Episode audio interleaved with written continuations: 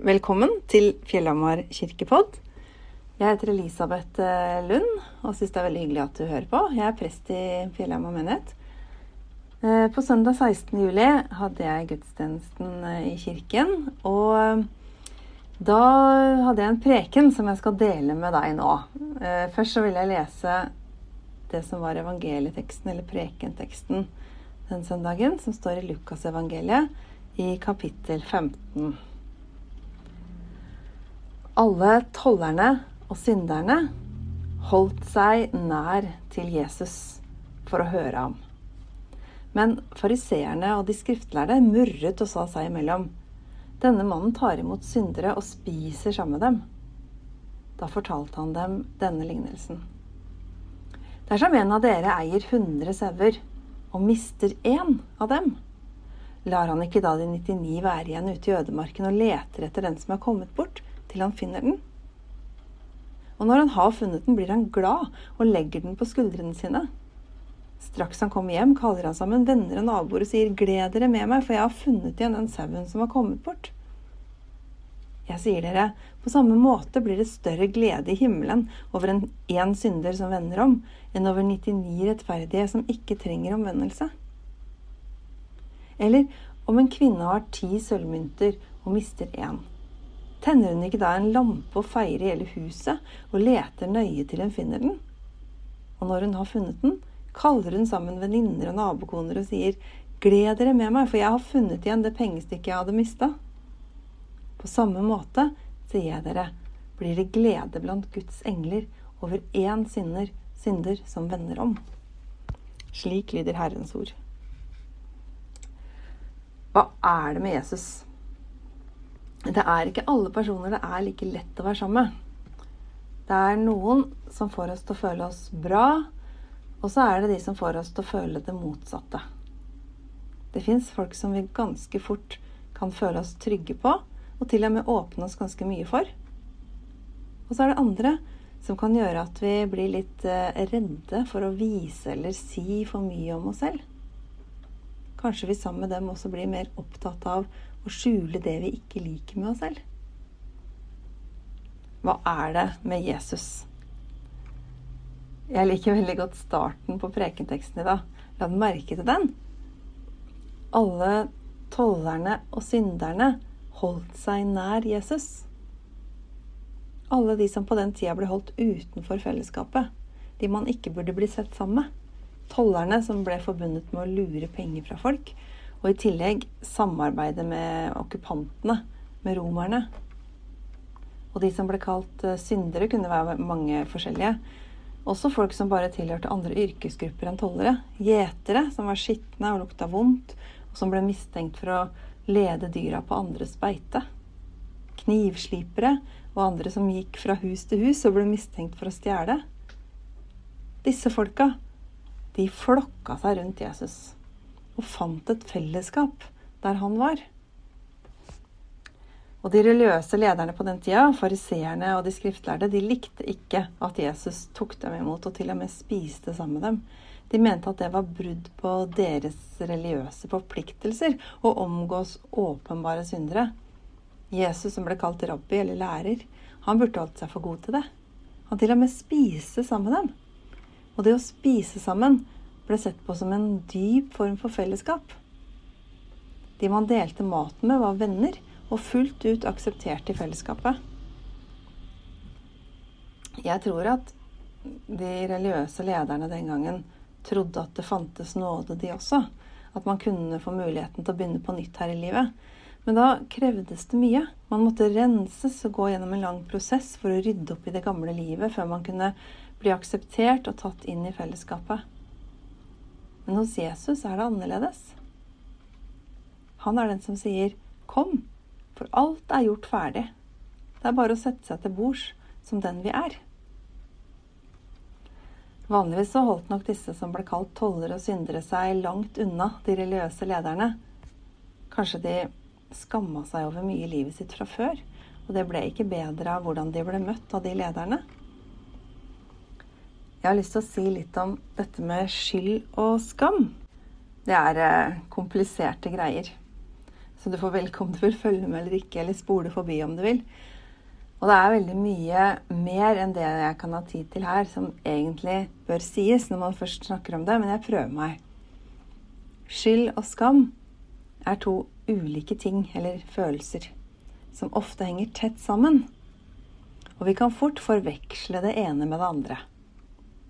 Skyld handler om å ha gjort noe galt, men skammen handler mer om selvbildet vårt, hvordan vi tenker om oss selv og kanskje særlig hvordan vi tror at andre tenker om oss. Selv om det er vanskelig nok å ha gjort noe galt som vi må rydde opp i, så er det mer konkret. Vi kan innrømme det, og vi kan be om tilgivelse. Men skammen er mer komplisert å jobbe med. Når vi føler skyld, har vi gjort en feil som det kan være mulig å fikse på. Men i skamfølelsen er vi feil. Og det kan føles som det ikke er noe å gjøre med det. Bak skammen fins det en redsel for ikke å bli tatt imot, eller for å miste kjærlighet. Og det å bli avvist, det øker skammen i oss. Og noen av oss går og bærer på mer skam enn andre. Og så er det sånn at skyld og skam ofte går veldig i hverandre. Noen ganger så kan vi ha gjort noe galt mot noen. Men så blir vi så opptatt av hvor dumme vi da er, at vi ikke egentlig får kjent på skyldfølelsen. Vi kan tenke masse dumt om oss selv og piske oss selv, og så kan, det, kan den skamfølelsen komme i veien for å rydde opp i det som har skjedd. Skammen overtar for det skyldfølelsen kanskje kunne hjulpet oss med, nemlig å be om tilgivelse. Skammen kan få det til å føles altfor stort til at det går an å få gjort noe med det. Andre ganger så kan vi faktisk eh, bruke skyldfølelsen som et forsvar mot skamfølelsen. Det gjør vi uten å tenke over det. I eh, boka 'Når jeg skjuler mitt ansikt' har Berit Oknø skrevet om skam. Og hun bruker et eksempel om at et barn som blir avvist, kan tenke at det er avvist fordi det har gjort noe dumt. Det kan være lettere å kjenne på skyldfølelse enn å føle at en blir avvist fordi en ikke er verdt å elske. Det blir så stort at man heller tar på seg skyld. Det er nok noe jeg har gjort som gjør at jeg blir avvist. Samtidig så vil skammen ligge under og gjøre noe med hvordan vi tenker om oss selv. Det har mye å si hvordan vi er mot hverandre. Om vi tar imot og aksepterer hverandre, eller om vi avviser hverandre. Tollerne og synderne de møtte nok mye avvisning og avsky. Og det gjør noe med et menneske. Det kan også gjøre noe med hvordan vi klarer å tro at Gud ser oss. Hvis mennesker har avvist oss, så kan vi lage oss et bilde av en Gud som gjør det samme. Det kan være en forestilling som er forma i oss fra vi var små, som vi kan ha med oss selv om vi ikke direkte opplever avvisning og vonde ting fra andre. Følelsen av skam kan bli veldig vond, og den kan få ganske stor makt over et menneske hvis vi ikke lærer oss å se oss selv fra utsiden, fra Guds ståsted.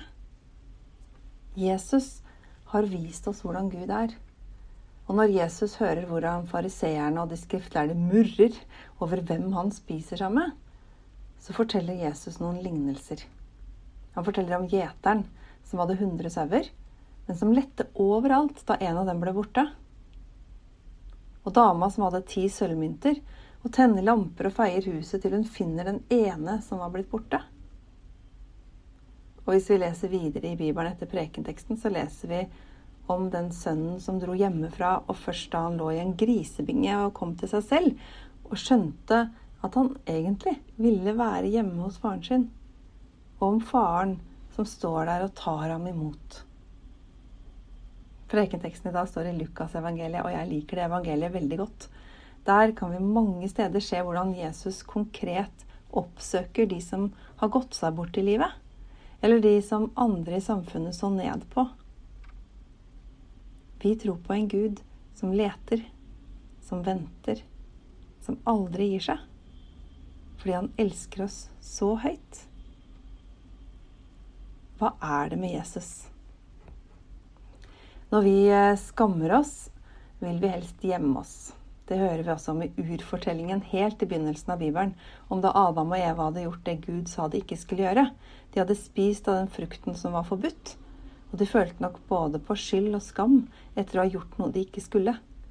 Og det står at Adam gjemte seg for Gud. Det er jo naturlig å ville gjemme seg. Vi vil ikke at noen skal se det vi føler skyld og skam over. Men Gud roper på Adam. Hvor er du? Vi tror på en Gud som leter, som venter, som aldri gir seg. Han er ikke ute etter å ta oss, men han er ute etter å ta oss imot. Hente oss inn igjen i saueflokken, hvis vi skal være i lignelsen om gjeteren med de hundre sauene. Inn i fellesskapet med ham og med hverandre. Det som hjelper mot skyld, er å bli tilgitt.